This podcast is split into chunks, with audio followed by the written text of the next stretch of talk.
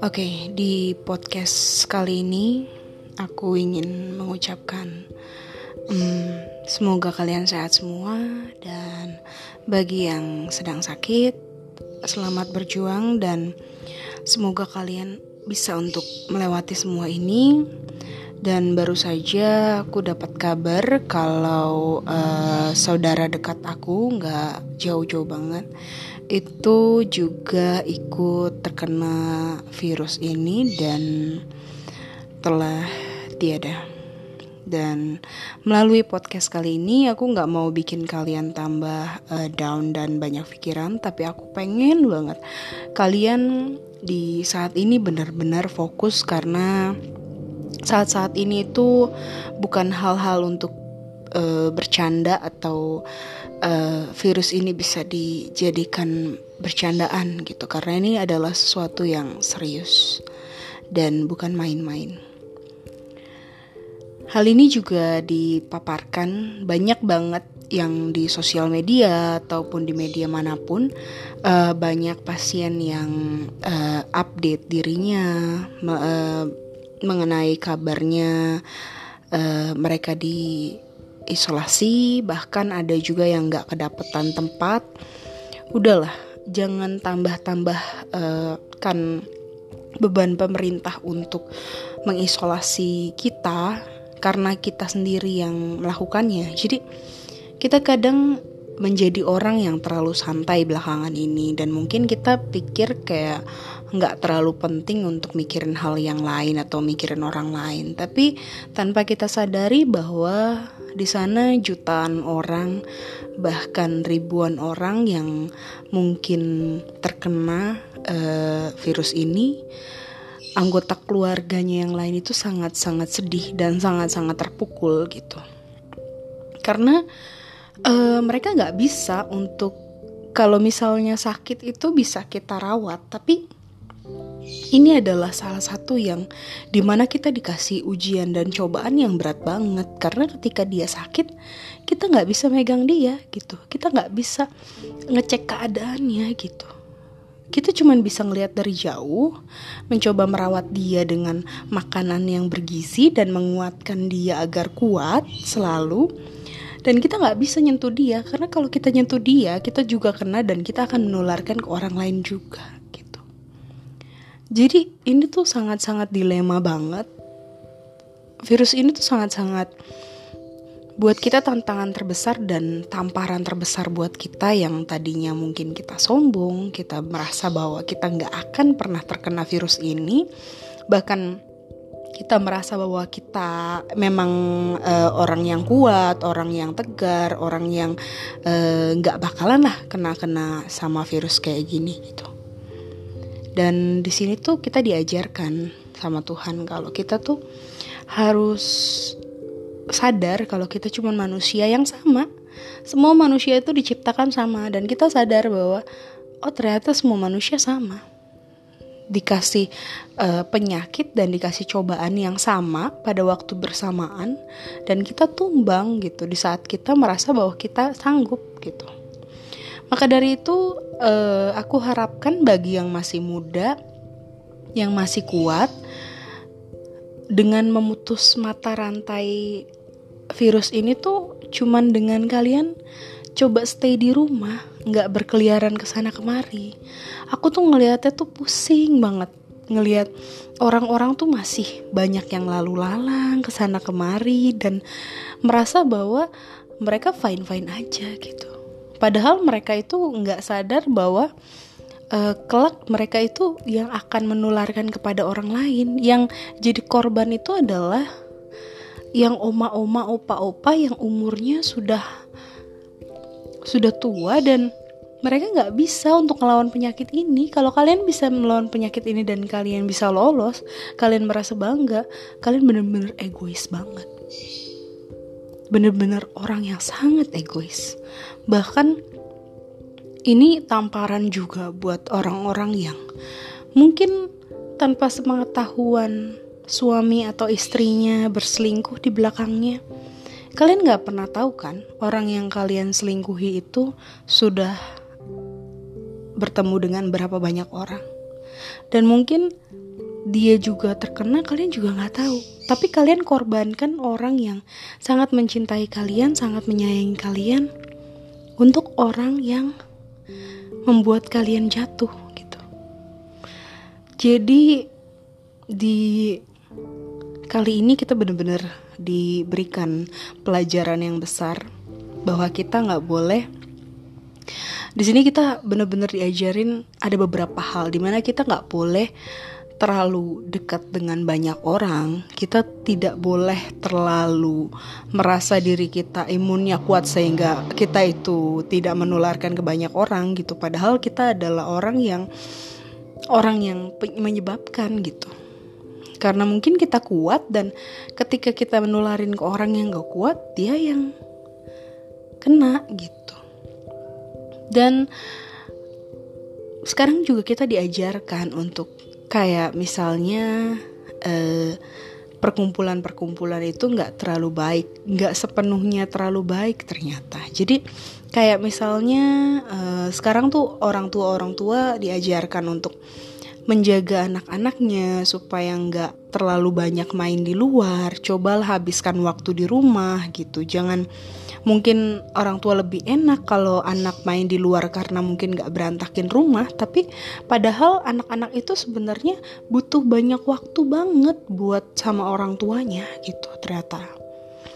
Jadi di balik semua ini tuh kita diberikan pelajaran yang sangat berharga di mana selain kita quality time sama orang tua kita, sama anak-anak kita, sama suami tercinta, dan mungkin ini akan merekatkan hubungan kalian di mana kalian yang sebelumnya uh, renggang sama suami istri kalian atau pacar kalian merasa bahwa oh ternyata uh, kita adalah makhluk yang saling membutuhkan, membutuhkan dorongan uh, secara secara jiwa gitu nggak cuman secara fisik tapi dorongan secara jiwa di mana kita dikuatkan untuk sesuatu yang alasan kita bertahan hidup gitu.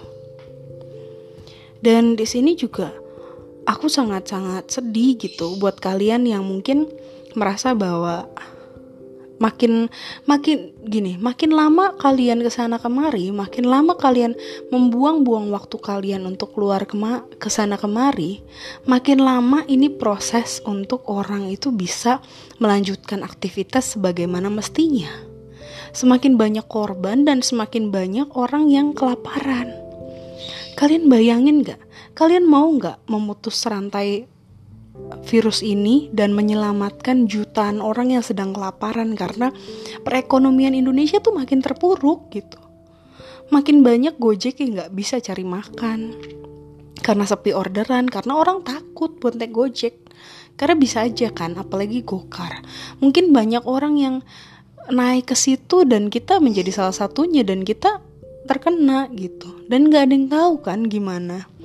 Padahal mereka tuh memang berjuang buat keluarga mereka, nyari makan secara halal gitu. Banyak juga orang-orang pedagang-pedagang pinggiran jalan jadi nggak laku karena orang pikir virus ini tuh bisa menyebar ke udara, ke besi, ke kayu, ke mana pun gitu. Kalian kalau mau menyelamatkan nyawa-nyawa orang yang sedang kelaparan di sana, tolong di rumah aja ya. Coba sekarang lakukan aktivitas banyak kok hal yang bisa kita lakukan. Mungkin selama ini kita nggak beresin kamar kita mungkin selama ini kita nggak beresin rumah kita, mungkin kita jarang bebersih, ya mungkin sekarang waktunya untuk kita bersihin rumah, lebih uh, care sama kesehatan, lebih care sama kebersihan, lebih care sama orang lain juga. Dan mungkin sekarang waktunya untuk kita kayak relax diri, hobi kita, mengembangkan apa yang kita pengen, apa yang kita bisa lakukan gitu. Bukan cuman terus menekan kepada ego kita doang gitu. Semua orang pengen, siapa yang gak pengen keluar? Semua orang ngerasa tertekan. Biasanya mereka keluar-keluar, mereka gak bisa keluar. Karena di luar sana tuh banyak banget yang bisa mengancam keselamatan kita dan orang banyak juga gitu. Karena tanpa kita sadari kita bisa jadi orang yang menularkan. Itu yang bikin sedih gitu. Bahkan banyak banget orang-orang yang miskin di luar sana yang merasa takut, merasa boro-boro mereka ngerasa kayak pengen diselamatin nyawanya gitu. Mereka ngerasa kayak akan diurus nggak ya mereka gitu di rumah sakit? Mereka nggak punya duit. Bahkan ada yang menjabarkan bahwa kalau periksa rumah sakit tuh bayar. Ada yang menjabarkan juga kalau misalnya ka kalian nggak sakit bayar. Tapi kalau kalian positif kalian nggak bayar. Kepikiran nggak orang-orang yang di bawah sana yang susah gitu? Nggak akan mereka kepikiran. Mereka akan pikirnya kayak nggak punya duit. Jadi mereka membiarkan aja mereka seperti itu dan mungkin aja mereka terkena dan menyebarkan ke yang lainnya. Ini bikin situasi makin rumit gitu. Jadi kalau kalian memang pengen keluar, jadilah aktivis aktivis untuk menyelamatkan orang-orang yang sedang berjuang untuk penyakit ini. Mungkin kalian bisa menjadi aktivis aktivis untuk pembagian masker atau kalian bisa menjadi aktivis untuk uh, menciptakan di mana orang bisa uh, disterilkan gitu, menciptakan kotak-kotak untuk sterilisasi diri gitu, untuk cuci tangan, untuk jaga kebersihan, kesehatan gitu. Mungkin kalian bisa seperti itu daripada cuman menahan diri cuman karena kalian nggak bisa nongkrong, nggak bisa ngumpul sama teman kalian, teman kalian, itu egois banget. Dan di sini aku jadi sadar gitu untuk semua ini ternyata juga apa ya juga saling melengkapi gitu. Kita nggak butuh pasangan hidup yang mewah. Kita nggak butuh pasangan hidup yang cantik yang tampan. Karena cantik dan tampan itu akan hilang seiring berjalannya waktu dan tubuh itu akan meninggal juga pada waktunya dan itu nggak akan bisa selamanya juga. Dan kita juga nggak butuh orang yang ngajak kita senang-senang doang. Kita cuman butuh orang yang selalu ada di samping kita menemani kita mendukung kita dan orang yang selalu kita dukung dan selalu di sisi kita dan saling mengasihi jadi, untuk podcast kali ini, aku berpesan bahwa jika kalian sayang sama semua nyawa di Indonesia, kalian sayang sama semua pedagang, semua orang-orang kecil di Indonesia, kalian stop untuk keluar rumah dan isolasi diri selama 14 hari ini. Semoga penyakit ini segera selesai dari Indonesia. Aku berharap semoga Indonesia segera sudah dengan virus ini dan tidak ada korban lagi yang berjatuhan. Terima kasih. See you on my not net next podcast berikutnya.